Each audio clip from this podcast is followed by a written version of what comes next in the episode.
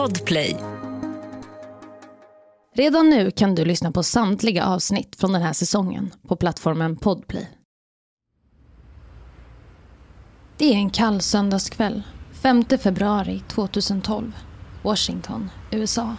Socialarbetaren Elisabeth ska vara med under ett övervakande möte med pojkarna Charles och Brandon och deras pappa Joshua. Men när Elisabeth stannar bilen utanför Joshuas uppfart hinner hon inte riktigt med. Pojkarna öppnar bildörrarna och springer till sin pappas ytterdörr. Joshua släpper in pojkarna och låser sedan dörren. Elisabeth kan inte ta sig in i huset. Snart känner hon en lukt av bensin.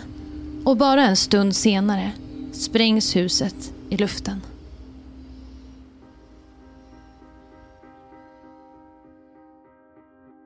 Du lyssnar på Jakten på mördaren. En podcast av Saga Lindqvist Springhorn. Det här avsnittet handlar om försvinnandet av Susan Powell. Dagens avsnitt är skrivet av Elsa Sandin. Jag vill varna för grovt innehåll i dagens podcastavsnitt. I januari år 1976 föds Joshua Powell som ett av fem barn till föräldrarna Steven och Tarika i Washington. Joshua kommer att kallas Josh framöver. Han har beskrivits som oerhört intelligent under sina barndomsår. Men trots sin intelligens hade han enorma problem i skolan. Han var talangfull när det kom till arkitektur och matematik men klarade inte av att sitta still, lyssna och koncentrera sig. Josh hade det också svårt när det kom till tjejer. Ibland fattade han tycke för någon men hans försök till att närma sig lyckades aldrig. Han blev bortstött. Josh skrev om dessa möten i sin dagbok. Han berättade om att han återigen misslyckats med att komma nära den där personen som han tyckt om. Joshs föräldrar ska ha haft ett dysfunktionellt giftermål som rotade sig att pappa Steven inte längre ville vara med i den lokala församlingen. Det här var något som var väldigt viktigt för mamma Tarika. Men Steven och Tarika hade lite olika syn på det här med religion. Medlemmarna i den lokala kyrkan brukade också kallas för mormoner. Pappa Steven ska ha skrivit dagbok under den här tiden. Där hade han på flera hundra sidor beskrivit sexuella fantasier om en annan mans hustru. Tarika var vid den här tiden åtta månaders gravid med Alina, familjens yngsta barn. Pappa Steven ska också ha visat Josh och hans två bröder pornografiskt material vid flera tillfällen och disciplinerat dem på ett aggressivt sätt. Allt det här blev för mycket för Tarika, som till slut ansökte om skilsmässa från Steven. Josh hamnar i kläm i separationen vilket leder till att han blir deprimerad i sina tonår. Vid ett tillfälle, när han är 14 år, försöker han hänga sig. Vid ett annat tillfälle ska han ha dödat sin yngsta syster Salinas ökenråtta och hotat sin mamma med en kniv. Men år 1998 verkar det som att livet ljusnar när Josh börjar studera på universitetet i Washington i regniga delstaten Seattle i USA. Där träffar Josh Catherine. Catherine och Josh inleder ett förhållande. Båda finner varandra i sin kärlek och tron till kyrkan. Catherine har precis fyllt 19 och Josh är 22 och bor under tiden med sin mamma. Efter ett tag flyttar Josh och Catherine ihop. Detta trots att Catherines föräldrar inte vill det eftersom att det innebär att hon flyttar 45 mil ifrån dem. Men Catherine struntar i sina föräldrars önskan och skriver in sig på ett kommunalt college i Seattle.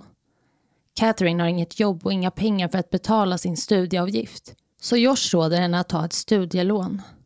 Det slutar dock med att Catherine inte kan ta del av studielånet för att betala sin skolgång. Josh lurar henne och sätter istället in pengarna på sitt konto. Catherine ser inte skymten av pengarna. Förhållandet blir inte långvarigt eftersom Catherine upplever Josh som överbeskyddande och svartsjuk. Hon får varken träffa sin familj eller sina vänner. Och Josh dränerar hennes bankkonto. När hennes farbror dör tillåter inte Josh henne att åka på begravningen. Men i början av 1999 åker Catherine till Utah för att besöka en vän. Något som Josh egentligen inte hade accepterat utan att han själv följt med. Besöket krockar dock med hans skolschema så Catherine åker själv i smyg. Väl där inser hon att hon måste lämna Josh. Hon gör slut med honom på telefon och åker aldrig tillbaka till deras gemensamma lägenhet. Uppbrottet med Catherine tar hårt på Josh. Men redan året efter I november 2000 träffar 24-åriga Josh 19-åriga Susan. Susan är uppväxt i samma stad som Josh. Hon är en av fyra systrar i familjen Cox och beskrivs som en godhjärtad tjej som gillar allt från ridning till smink, kläder och killar. Liksom många i staden är även Susan medlem i Jesu Kristi kyrka av Sista dagars heliga där hon och Josh blir klasskompisar i en religionskurs. En kväll går de på fest tillsammans hos en gemensam vän och det är kärlek vid första ögonkastet. På deras första dejt går de på bio och äter Subway-mackor. De delar också sin första kyss den där kvällen. Redan då vet Josh att det ska vara de tillsammans för evigt. Bara några månader efter första dejten, i april 2001, gifte sig paret. Susan beskriver relationen som bra, att Josh behandlar henne väl och gör henne lycklig. Men hennes familj är inte lika säkra på den saken. De har ju trots allt bara känt varandra i några månader.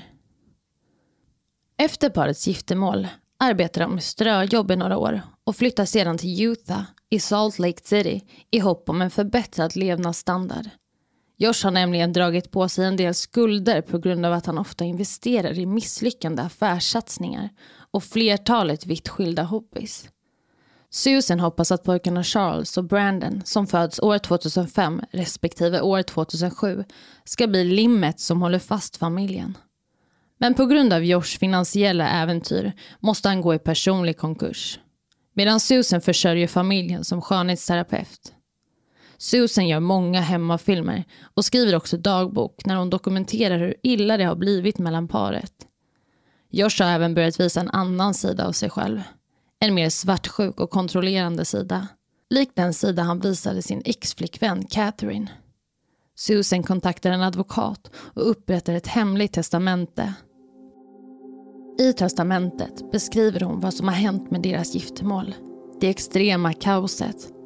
Hon filmar också allt i hemmet som Josh har köpt på hennes kreditkort. Saker som hon äger ifall något skulle hända. Hon skriver också i testamentet att om jag dör är det kanske ingen olycka, även om det ser ut som det är det.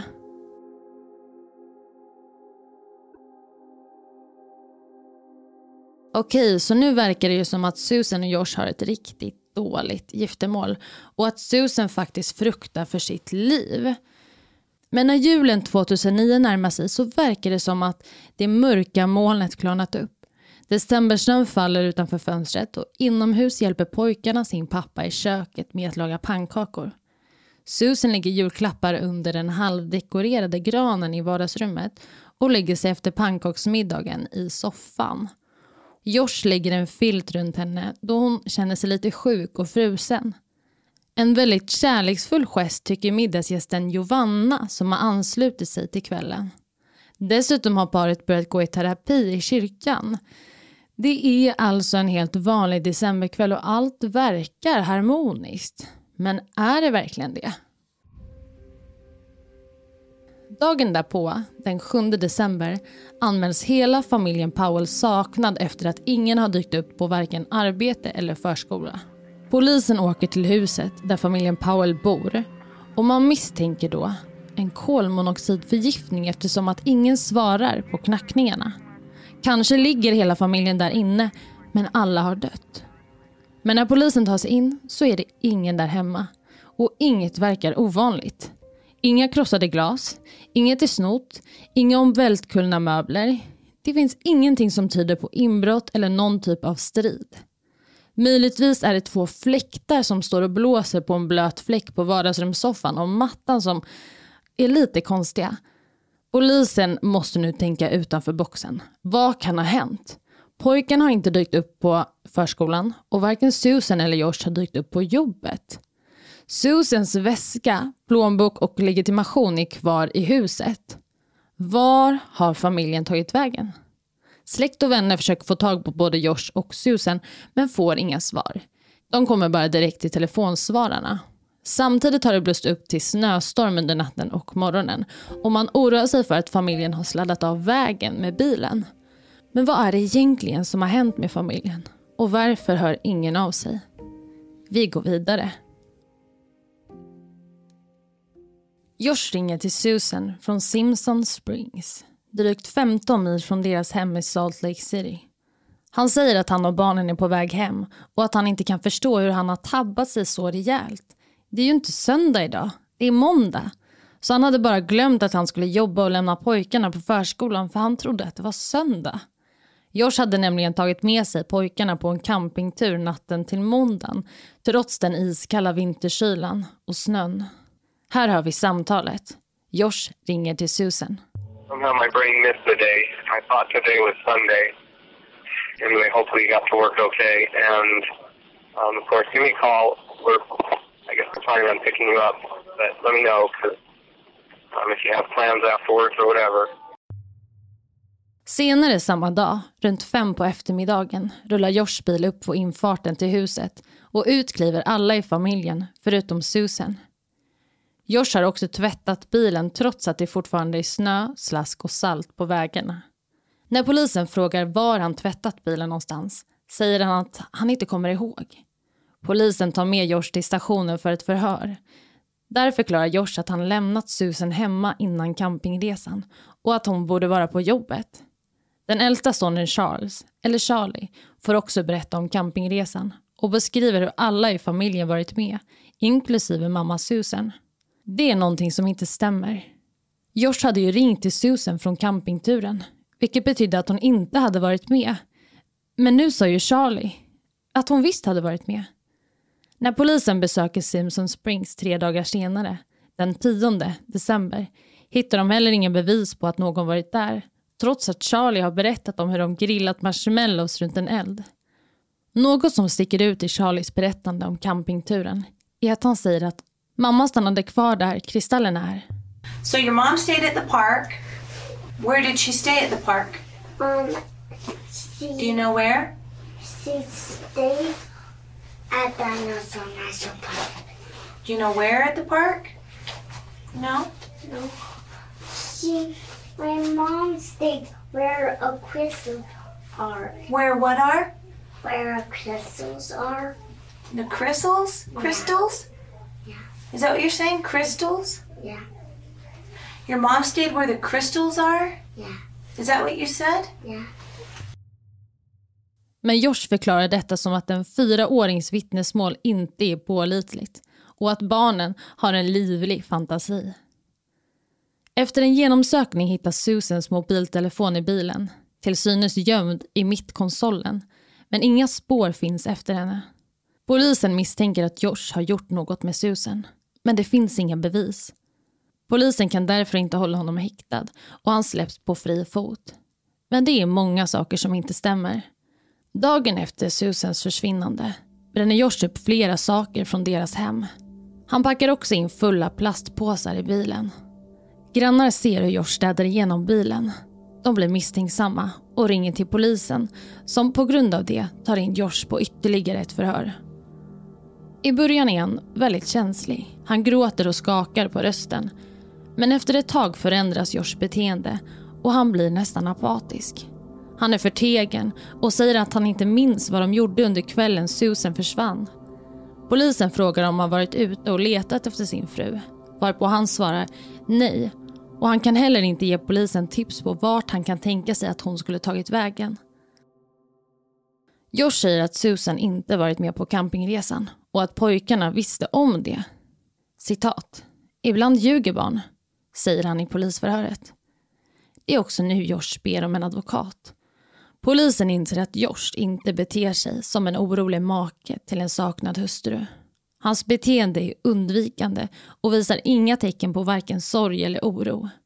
Polisen väljer att i hemlighet sätta en GPS på Joshs bil för att se om man kan leda polisen till något område som kan vara intressant för utredningen.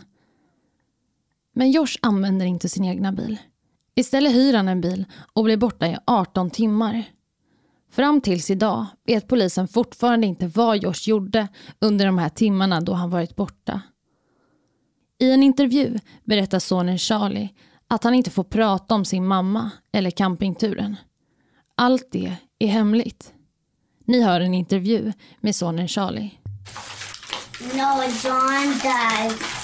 We we can't talk about Susan or camping I I I always keep things as secrets. Well, when we talk about your mom, we, we can't keep that a secret because your mom would want us to talk about would want us to talk about her. Who told you you can't talk about your mom? No, I I I guess it my my brain told me. Your brain t- told you that? Well, your brain needs to tell you that it's okay to talk about your mom because we want to find your mom. So, in order to find your mom, we got to talk about it. Um um um we we are doing blessings. You're doing blessings. Yeah, but then stuff um but it's okay that I keep a secret because we are doing blessings. You know what? It's not okay to keep secrets if if it will help us find your mom. So we need to talk about those secrets. Did somebody tell you to keep a secret? No, only my brain did. Your brain did. What else did your brain tell you about the secret? Okej, så låt oss blicka tillbaka lite. Paret har tidigare beskrivits som ett lugnt, kärleksfullt och konservativt par av sina nära och kära. Men med tiden börjar Susan beskriva hur Josh förändras. Han blir känslokall, visar varken kärlek eller uppskattning för Susan och de slutar att ha samlag. Som vi tidigare nämnt har Josh ett enormt kontrollbehov över Susan och han börjar även visa aggressiva tendenser. Och Susan börjar därför fundera på om hon ska lämna sitt äktenskap. Hon träffar en skilsmässoadvokat och advokaten ber henne att filma allt som finns i hennes hem för att dokumentera hennes ägodelar. Uh, this is me, July 29, 2008. It is 12:33 Mountain Time. Um, covering all my bases, making sure that if something happens to me or my family or all of us, that our assets are documented. Hope everything works out and we're all happy and live happily ever after as much as that's possible. Charlie, say hi. Samtidigt beskriver Susan till en nära vän att hon vill göra allt i sin väg för att rädda sitt äktenskap innan hon lämnar. Särskilt på grund av att Josh har hotat henne med att han kommer ta barnen om hon skiljer sig med honom. Så hon stannar kvar. Och det är inte förrän Susans försvinnande som polisen hittar det här testamentet och pengar som hon har lagt undan. Och som jag berättat tidigare så har hon i det här testamentet skrivit att om hon dör och att det ser ut då som en olycka så är det nog inte hela sanningen.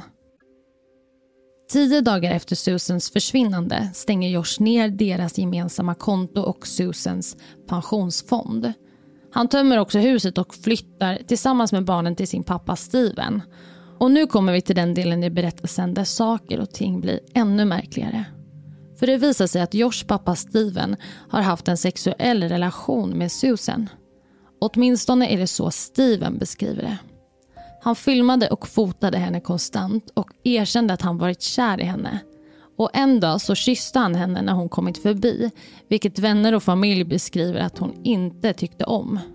Susan har beskrivit det som att hon har varit rädd för Steven. Allt det här har fångats på film eftersom att Steven dokumenterade nästintill allt i sitt liv. När Steven fick tag på Susans använda underkläder och toalettartiklar så sparade han också det. När det här händer är Susan 21 år gammal och Steven är 53 år. Josh och Steven engagerar sig inte i sökandet efter Susan. De delar inte ut eh, några flygblad eller går några skallgångskedjor. Och misstankarna hos polisen växer sig nu ännu starkare. Vi går vidare. Polisen tycker att det hela blir märkligare och märkligare med tiden. De bestämmer sig för att söka igenom Stevens hus. Väl där omhändertar de tre datorer och flera lådor med foton och filmer. Bara på Susan hittas 4500 bilder. Men Steven har inte bara filmat och fotat Susan utan tagit foton och filmer på minderåriga flickor. Genom sitt fönster på gatan har han stått och fotat. Steven blir dömd till fem års fängelse för barnpornografi trots att han påstår sig vara oskyldig.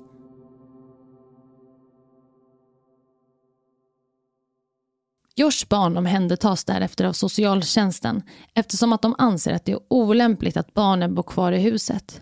Men Josh vill behålla vårdnaden. Susans föräldrar, Chuck och Judy, anser att de borde ha rätt att ta hand om barnen eftersom att de riskerar att fara illa i Joshs händer. De menar också att Stevens hem inte är en värdig plats för barnen att bo i. I september 2011 lyckas Susans föräldrar med det de vill. Rätten beslutar att de får vårdnaden över Charlie och Brandon. Men när Josh flyttar ut ur sin pappas hus har han rätt till övervakande besök med sina söner. Den 1 februari 2012, bara några dagar innan allt ska komma att vändas upp och ner, överklagar Josh vårdnadsdomen.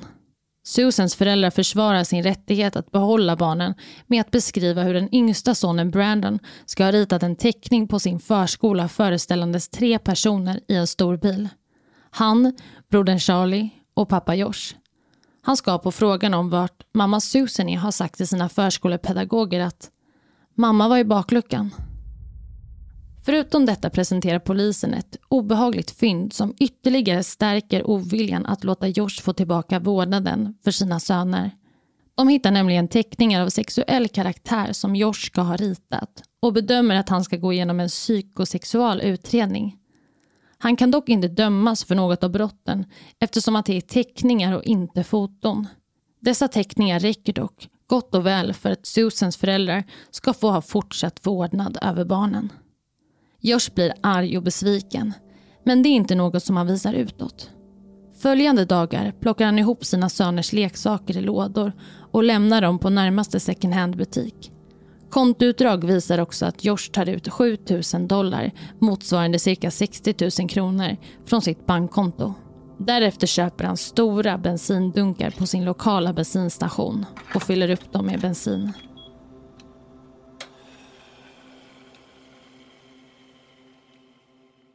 Är nu morgon. Den 5 februari 2012. Pojkarna ska lämnas av morföräldrarna till socialarbetaren Elisabeth som ska ta dem på besök till Josh i hans nya hus. Charlie uttrycker till mormor Judy att han inte vill dit. Men Judy säger att allt kommer att gå bra. Tio minuter efter att pojkarna hämtats av Elisabeth anländer de till Joshs hus.